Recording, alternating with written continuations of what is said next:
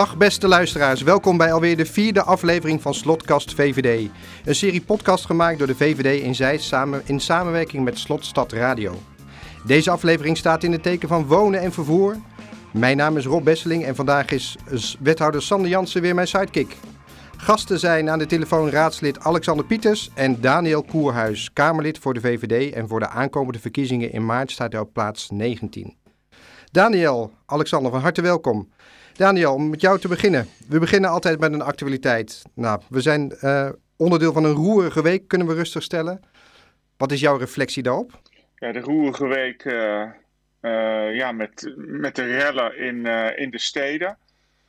Ja, ja, van geschrokken en ik moet zeggen, uiteindelijk blij dat er wel hard tegen opgetreden is en dat het nu wat, wat lijkt, lijkt weg te hebben ja, we zien er gelukkig een ander beeld in het, einde van de week en het begin van de week.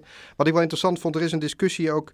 Hè, moeten we nou, in hoeverre moeten we begrip hebben voor de mensen die die, hè, die, die rellen hebben? Want ze hebben, hè, gaan maken een lastige periode door. Hoe, hoe, kijkt de VVD-fractie daar, uh, daartegen?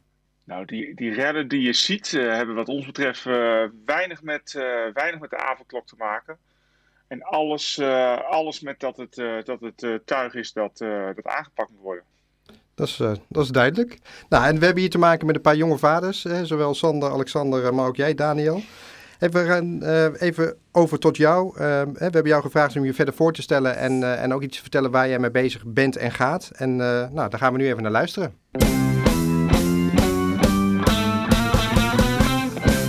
Ik ben Daniel Koerhuis, Koerhuis van Huizen Bouwen.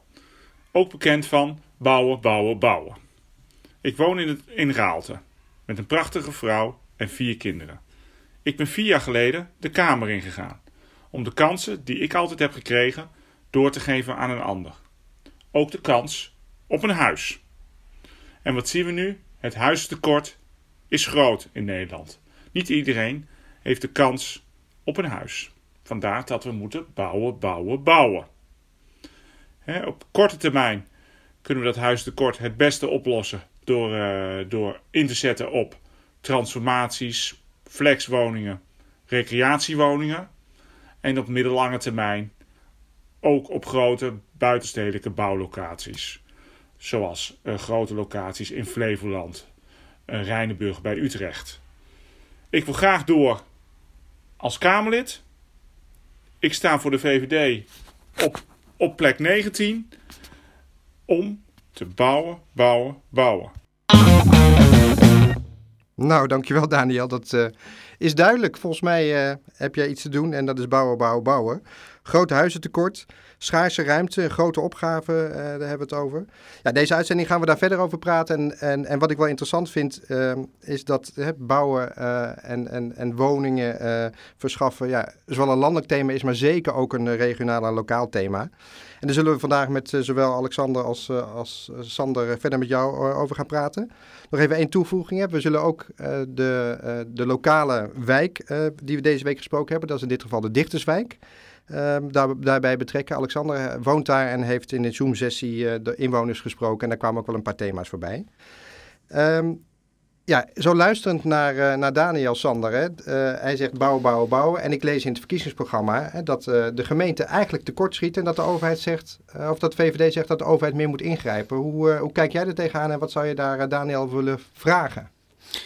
Nou ja, eh, we zien terecht trouwens dat, dat Daniel inzet op bouwen, bouwen, bouwen. We zien in deze regio en ook in Zeist een enorm gespannen woningmarkt. Enorm tekort voor, voor starters met name. Dus mooi dat, dat Daniel zich daar de afgelopen vier jaar voor heeft ingezet. toch lees ik ook een verkiezingsprogramma inderdaad die... die een beetje aan het terugkomen is op dat gedecentraliseerd ruimtelijk ordeningsbeleid. Want heel veel verantwoordelijkheden voor bouwen, bouwen, bouwen was neergelegd bij, bij gemeenten. Um, maar uh, als ik het verkiezingsprogramma dan verder lees, hè, dat gaat dan over de kostprijs van de bouwvergunningen. Daar gaat de Tweede Kamer zich mee bemoeien. De bouwlocaties, hè, we noemden net al Rijnenburg, best wel een gevoelig thema in de uh, gemeenteraad van Utrecht. Maar daar gaan we het vandaag uh, ook niet te veel meer over hebben. Maar ook als je kijkt naar de woningverdeling bij nieuwe bouwprojecten. Het zijn allemaal zaken waar de Tweede Kamer zich schijnbaar mee wil gaan bemoeien. Daniel, ehm, als ik dit zo opnoem, klopt dat beeld wat ik nou schets? Van dat de Tweede Kamer toch uh, meer op de stoel van de gemeenteraad wil gaan zitten?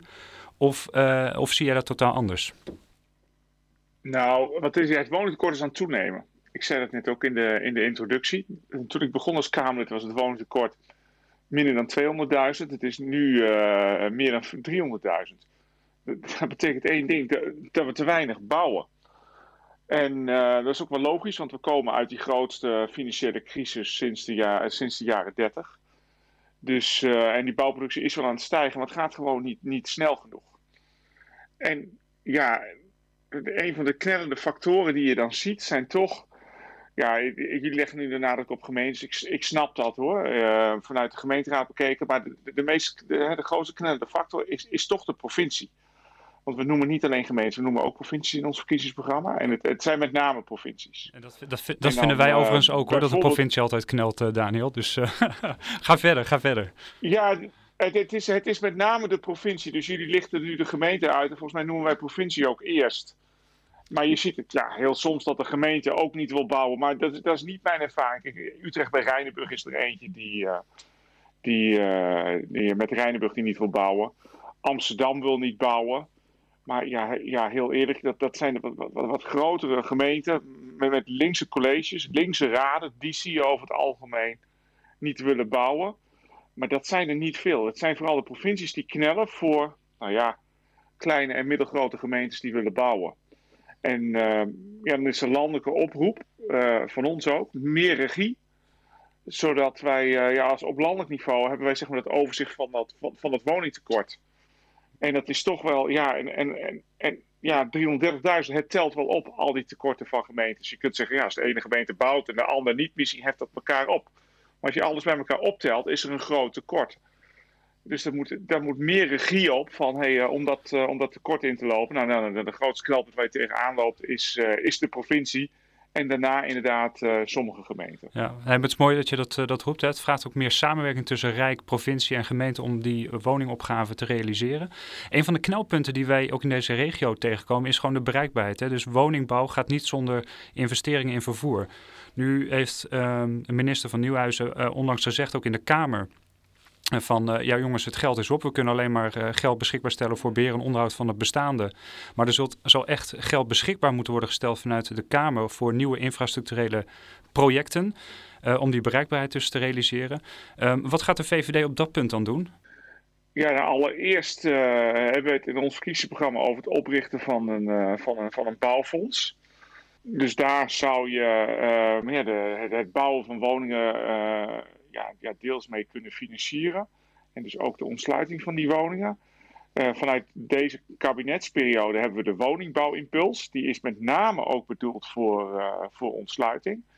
En, uh, en gericht op projecten die eigenlijk klaar zijn, waar de schop de grond in kan, maar nou ja, waar dan nog het laatste kleine beetje geld nodig is voor die ontsluiting. Dus ja, dat, dat, dat, in ieder geval, dat is de hulplijn die er nu is.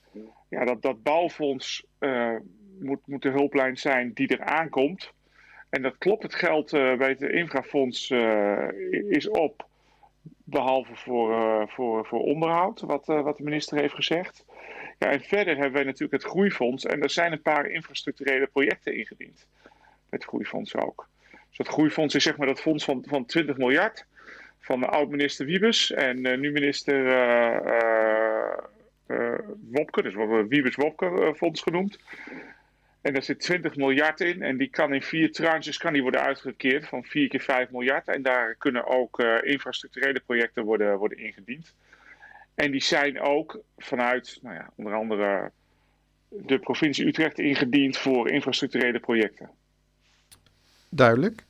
Ik, ik wil nog even Alexander erbij halen, want ik ben toch wel wat getriggerd door dat, door dat punt wat we net bespraken. Hè? De, de, ja, wat, wat, wat valt onder de landelijke regie en wat, uh, wat kan je lokaal? Uh, uh, gelukkig constateer jij niet, een, een, Daniel, een issue met, met de, de, samenwerking met gemeenten.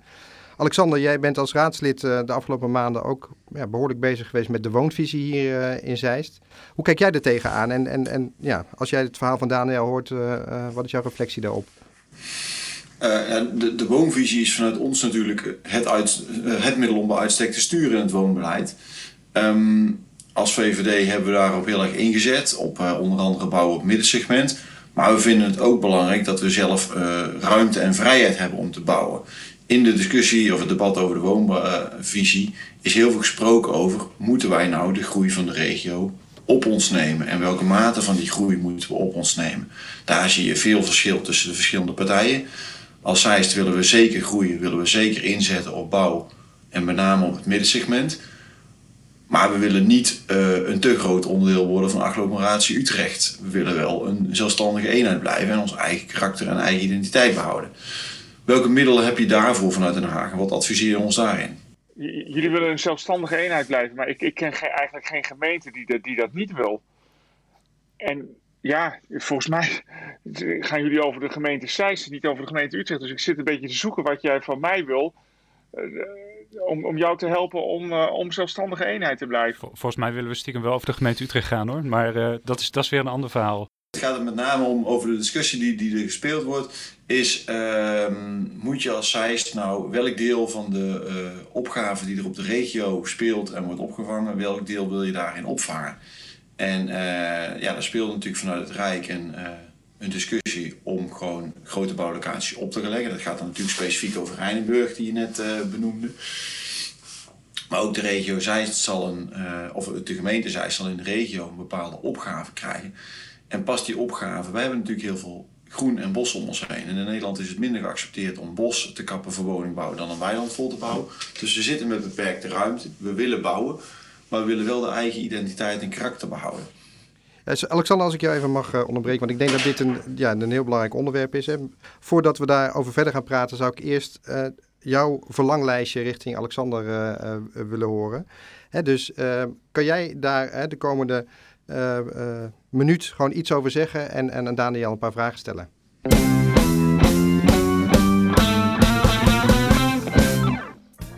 Mijn naam is Alexander Pieters, raadslid VVD Zeist. In mijn raadswerk maak ik me met name hard voor het domein wonen en ruimtelijke ordening. We wonen centraal in een van de mooiste regio's van Nederland. Hierdoor heeft de regio een enorme aantrekkingskracht en hiernaast zijn we het mobiliteitsknooppunt van Nederland. Deze twee aspecten leggen enorme druk op onze beperkte ruimte. 100.000 huizen extra, een verbrede A27 en extra OV-verbindingen. Dit alles vraagt om slimme oplossingen, maar vooral om keuzes. Maar Daniel, welke ruimte hebben wij hier in de Zeist nog? Vraag 1. We willen het huidige karakter graag behouden, maar realiseren ons dat bouwen noodzakelijk is. We willen geen onderdeel worden van agglomeratie Utrecht. Wat kan Den Haag bijdragen en wat adviseer je ons op dit vlak? Vraag 2. Het wonen op of nabij het knoop, mobiliteitsknooppunt van Nederland heeft voordelen, maar zeker ook nadelen. Bij ons speelt de vraag of er straks nog voldoende geïnvesteerd gaat worden in bereikbaarheid. Met name omdat minister van Nieuwenhuizen heeft aangegeven dat het geld voor nieuwe infrastructuur op is. Wat kan de VVD doen om de regio bereikbaar te houden? Dankjewel Alexander. Nou, dat is, uh, dat is duidelijk, denk ik. Denk, hè, de punten die, uh, waar we straks al een beetje op voorsorteerden, die komen duidelijk terug in de vragen die je hebt in het verlanglijstje. Uh, Daniel, als je hier nou zo luistert, hè, dan zie je dat ja, de spanning die we voelen, wonen is heel lokaal. Dat is je huis in de straat, je dorp in je stad. en tegelijkertijd is er landelijk een hele grote opgave en moet landelijk meer regie worden gevoerd en de, en de regio zit daartussen. Wat is jouw reflectie op, op, op de zaken die Alexander aankaart en jou vraagt?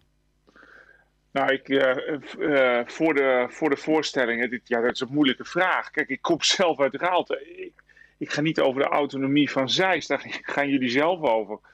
Uh, ja, mijn reflectie is dat als er, er moet meer rijksregie komen, zodat dat, ja, dat, dat woningtekort wordt opgelost. Maar ik ga niet in elke straat, in, in, in, in, in elk huis wil ik dat er wordt, gaat worden aangewezen vanuit het Rijk, daar moet gebouwd worden. Dat, dat werkt niet. Daarvoor hebben we het bouwbeleid ook gedecentraliseerd. Ik vind dat we dat alleen moeten doen voor grote bouwlocaties van nationaal belang. Dus dan heb je het over zo'n bouwlocatie Rijnenburg en Utrecht, waar 25.000 woningen gebouwd kunnen worden. Uh, de bouwlocaties in Flevoland, waar we nu al in kaart hebben gebracht, waar 130 tot 140.000 woningen gebouwd kunnen worden dat gaat wat mij betreft niet over een, een, een, straat bij Zeist. Ja, nou, volgens mij, Alexander, zijn dit bemoedigende woorden uh, en, en geruststellend om uh, nou, voor, vooral ook lokaal uh, aan de slag te kunnen. Ehm, zie je dat ook zo? Um, nou, voor, voor, voor een deel. Kijk, in, in, ik, ben, ik ben blij te horen dat de lokaal natuurlijk de, de, de autonomie blijft. dat antwoord had ik ook verwacht. dat is natuurlijk een logische, logische lijn. Anderzijds leven er lokaal heel veel zorgen dat zeg maar, de druk die er op de regio gelegd wordt, um, uiteindelijk gaat leiden tot een groei die tot gevolg kan hebben dat je je, identiteit en je karakter gaat verliezen. en die groei die wordt natuurlijk niet voor een deel opgelegd of volledig opgelegd door Den Haag. Maar die groei ligt gewoon vanuit Nederland op de regio Utrecht. En dat is ook een zorg die leeft van, goh, er ligt zoveel druk op de woningmarkt. In hoeverre heb je nou de keuze om nog ehm, ja, te groeien in de vorm die vindt dat je bij je past? Of wordt er een hogere groei opgelegd? Zo, uh, zo beluisteren, dan, dan zegt Daniel eigenlijk, ja, daar gaan we in Den Haag niet over. En dat moet je als Zeist in samenwerking met de omliggende gemeenten oplossen. Uh, en, en zorgen dat je daar je, je uitgangspunten die, die voor jouw uh, regio en voor jouw stad belangrijk zijn uh, overeind houden. Zie, zie ik dat goed, Daniel? Ja. Nou, kijk wat het is. Kijk, kijk de huidige infrafonds is, is, is leeg. Daar moet natuurlijk, daar moet natuurlijk geld bij. Ehm, dat, uh, bijvoorbeeld, hè, wat ik al zei, daar kunnen we het groeifonds voor inzetten. Maar wat je ook ziet, er wordt steeds sterker leggen we de koppeling met woningbouw. Dus uh, omdat die twee ook, ook die, die zijn gekoppeld. Want als je, als je meer woningen bouwt, meer inwoners krijgt, ja, dan, dan heb je meer bereikbaarheid nodig. Dus dat is wel de koppeling uh, die we leggen. Kijk, als zij zegt, we willen niet zoveel woningen bouwen. Ja, ja, dan, dan, dan is die koppeling ook wat lastiger te leggen met, uh, met, met, met, met meer geld voor, voor bereikbaarheid. Ja, volgens mij wil zij wel woningen bouwen. Vraag alleen op welke manier. Hey Daniel, um, we hebben veel gesproken over bouwen, bouwen, bouwen. Hè. Daar heb je in de afgelopen periode uh, stevig voor ingezet. Maar ook op andere thema's heb jij uh, goed ingezet. Voor onder andere de positie van urgent woningzoekende. Um, kun je aangeven ja. waarom het bijvoorbeeld goed is voor onze inwoners dat statushouders, hè, dat zijn mensen die dus asiel hebben aangevraagd en ook een verblijfstatus hebben gekregen hier in Nederland, waarom die geen voorrang meer zouden moeten krijgen op andere urgent woningzoekenden, zoals starters en gescheiden mensen? Ja, omdat ik dat niet, omdat ik dat niet eerlijk vind. Van, uh, en, en dat is volgens mij niet het Nederland wat we willen laten zien dat we zijn aan statushouders. Ik vind niet dat je. Ik vind dat als je in Nederland komt, hè, dat je het uitgangspunt is dat, dat, dat, je, dat je werkt. En, ja, en als je dan werkt, dat je dan een, uh, een woning kan betalen. En ja, als je het niet kan, dan kan je op, op een wachtlijst voor, voor een sociale huurwoning. Maar dan wel met, met de rest van alle andere Nederlanders. En ik vind, ik vind het niet het Nederland dat we moeten laten zien. Dat, dat, wordt, nou, je, je, je krijgt voorrang. En hier heb je die, uh, die sociale huurwoning al.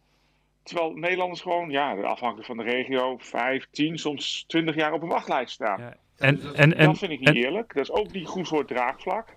En wat, wat, wat, wat, krijg je daarop terug in, in het land? Hè? Uh, het is best wel een ingewikkelde discussie, maar zijn mensen het over het algemeen met je eens? Of uh, zeggen ze van, uh, wat, wat, wat, wat zeurt die VVD nou? Nou, het, ja, ik, ik ben hiermee begonnen toen ik net Kamerlid was. Met, met die, deze oneerlijkheid op de, op, de, op de woningmarkt die ik zie ja, in het begin was dat wel wennen voor, voor mensen, moet ik zeggen. Zeker in Den Haag. Niet in het land. In het land, heel eerlijk, voelt iedereen dat wel zo. Uh, als je op straat spreekt met mensen. Uh, onze fracties, onze VVD-fracties in het land, die voelen dat zo. Ja, en ja, in het begin in Den Haag was het een beetje ja, ja, onwennig uh, bij andere partijen. Ja, en, en ja, de woning, het woningtekort is alleen maar toegenomen.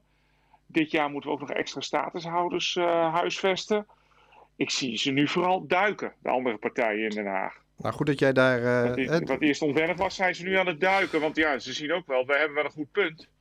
Maar ze vinden het moeilijk, uh, moeilijk om te brengen. Nou, het is een, het, we, we, hebben een urgente situatie op de woningmarkt. En, uh, en goed dat jij daar uh, die belangen verdedigt. Een andere manier van oneerlijkheid is, is kraken. Dat zien we in Zeist ook dat er best wat locaties door mensen worden bewoond die, uh, nou ja, die daar uh, in ieder geval niet als zodanig geregistreerd staan. um, kan je aangeven wat er gaat veranderen door jouw inzet om, en wat gaat dat betekenen voor pandeigenaren en inwoners? Nou ja, in 2010 is, is, hebben VVD, CDA en ChristenUnie als initiatiefwet ja, de anti-kraakwet aangenomen gekregen. En sindsdien is kraken strafbaar. Alleen, uh, ja, we, we zien dat als een, uh, als een, uh, als een pandeigenaar aangifte doet van krakers in zijn pand bij de politie. De politie stuurt die aangifte door naar het Openbaar Ministerie. Dat Openbaar Ministerie kan het pand alleen ontruimd krijgen in een, in een, in een, in een civielrechtelijke procedure. bij een civiele rechter. En, en, en, die, en die rechtszaak die moet ingepland worden. Dat klinkt En, ehm, eh, ja, Daniel. Dat duurt al met al acht weken. Zo graag gezien als partij dat, nou ja, met de anti-kraakwet, dat, dat er een einde eh, zou zijn gekomen aan het kraakmodel. Eh, en, eh, als woonmodel. En we zien dus nu, en dat, dat zie je in, in sommige steden, dat krakers acht weken in een pand wonen, gebruik maken van die acht weken en dan weer doorgaan naar een ander pand. En nou ja, dat vinden we niet goed. Eh, dat is oneerlijk, met name in, eh, in steden met, eh, met een groot woningtekort. En ja, we hebben dat ook gezien in Amsterdam-Oost een paar jaar geleden. Dat een groep krakers tientallen sociale huurwoningen hadden gekraakt. En daar dus acht weken konden blijven zitten. Ja, tot grote verbazing van mij, van, van mij en vele andere partijen in, in de Tweede Kamer. Dus daar blijf je alert op ook om, ja, om, om dat soort misstanden ook als onderdeel van de totale woningmarkt eh, aan te kaarten. Ja, ja, ja, we hebben de minister een paar keer gevraagd van treed er nou tegen op. Nou ja, dan heb je dan het middel, dat heet dan initiatiefwet. Zo is het in 2010 ook gebeurd. Ehm, als de minister dan niet met een wet komt, dan eh, kun je als, als Kamer met een wet komen. Dus vandaar dat wij met de initiatiefwet zijn gekomen om, eh, om ja, dat kraakverbod beter te handhaven. En die acht weken terug te brengen naar, eh, naar, naar drie dagen. Dat klinkt, eh, dat klinkt heel goed, heel goed. Hey Alexander, ehm, jij hebt afgelopen week eh, in de Zoom-sessie met ehm, inwoners van jouw wijk, de Dichterswijk, eh, over een aantal onderwerpen gesproken. Er kwamen ook een aantal onderwerpen voorbij die met wonen en vervoer te maken hebben. Wat voor punten vond jij daar noemenswaardig? Nou, sowieso de eerste belangrijkste conclusie was dat de mensen in de wijk gewoon heel, heel erg tevreden waren. Mensen vinden het een fijne wijk om in te wonen. Ehm, en wat er op mobiliteit en wonen heel erg speelde, was enerzijds dat toch wat verkeer, eh, het beeld is dat er relatief veel sluipverkeer, vrachtverkeer in de wijk zit. Eh, en daarnaast spelen er in de wijk een tweetal wat grotere plannen. Dat is het Rabo, Verzet en Eikenstein. Daar komen toch een paar honderd woningen in de toekomst. Ehm, en dat leveren dan vragen rondom mobiliteit. Van, eh, wat gaat dat doen in, in, in de nieuwe mobiliteit? Wat voor extra verkeer krijgen? Hoe gaat het met parkeren om? Hoe zit het met veiligheid? Maar ook heel eh, nadrukkelijk een link daarnaar naar bijvoorbeeld onderwijs. Van als er dadelijk zoveel, scholen extra, of eh, zoveel huizen extra komen, dat zijn allemaal gezinnen. Zijn er dan in onze wijk wel voldoende eh, klaslokalen en, en, en, en juffen en meesters beschikbaar? Of komen dan onze eigen kinderen in de knel omdat er nieuwe kinderen gaan komen en hebben we dan wel voldoende voorzieningen? Nou, mooi. Ik vind het, de, de reflectie uit zo'n wijk vat eigenlijk heel mooi samen hè, hoe, hoe de woningmarkt en alles wat erbij komt in elkaar, bij elkaar zitten. Er moeten woningen bijkomen, er wordt bijgebouwd. Tegelijkertijd moet er aandacht zijn voor infrastructuur en alle voorzieningen die eromheen zitten. En volgens mij is zo de cirkel ook weer prachtig rond. En wil ik graag eh, jullie bedanken voor jullie bijdrage. Daniel vanuit Raalte, eh, Alexander en, eh, en ook sidekick. Hiermee zijn we aan het einde gekomen van deze podcast met als het thema wonen en vervoer. U heeft weer geluisterd naar Slotkast VVD, een productie van VVD Zeist in samenwerking met Slotstad Radio. Dit was de vierde uitzending en muziek kwam van de band Bite the Bullet. We gaan door van nu tot en met half maart en we maken iedere week een aflevering. Volgende week praten we met Queenie Rajkowski, de nummer 13 van de VVD-kandidatenlijst. En met Walter van Dijk, fractievoorzitter van de VVD in de gemeenteraad van Zeist. En dan is het thema veiligheid. 3 februari is ook weer een Zoom-sessie, dit keer met inwoners van Bos en Duin. En we nodigen iedereen uit om daaraan deel te nemen. Kijk daarvoor op onze Facebookpagina. Rest mij om u te bedanken naar het voor het luisteren naar deze uitzending. En we hopen uiteraard dat u blijft luisteren naar de aflevering van Slotkast VVD.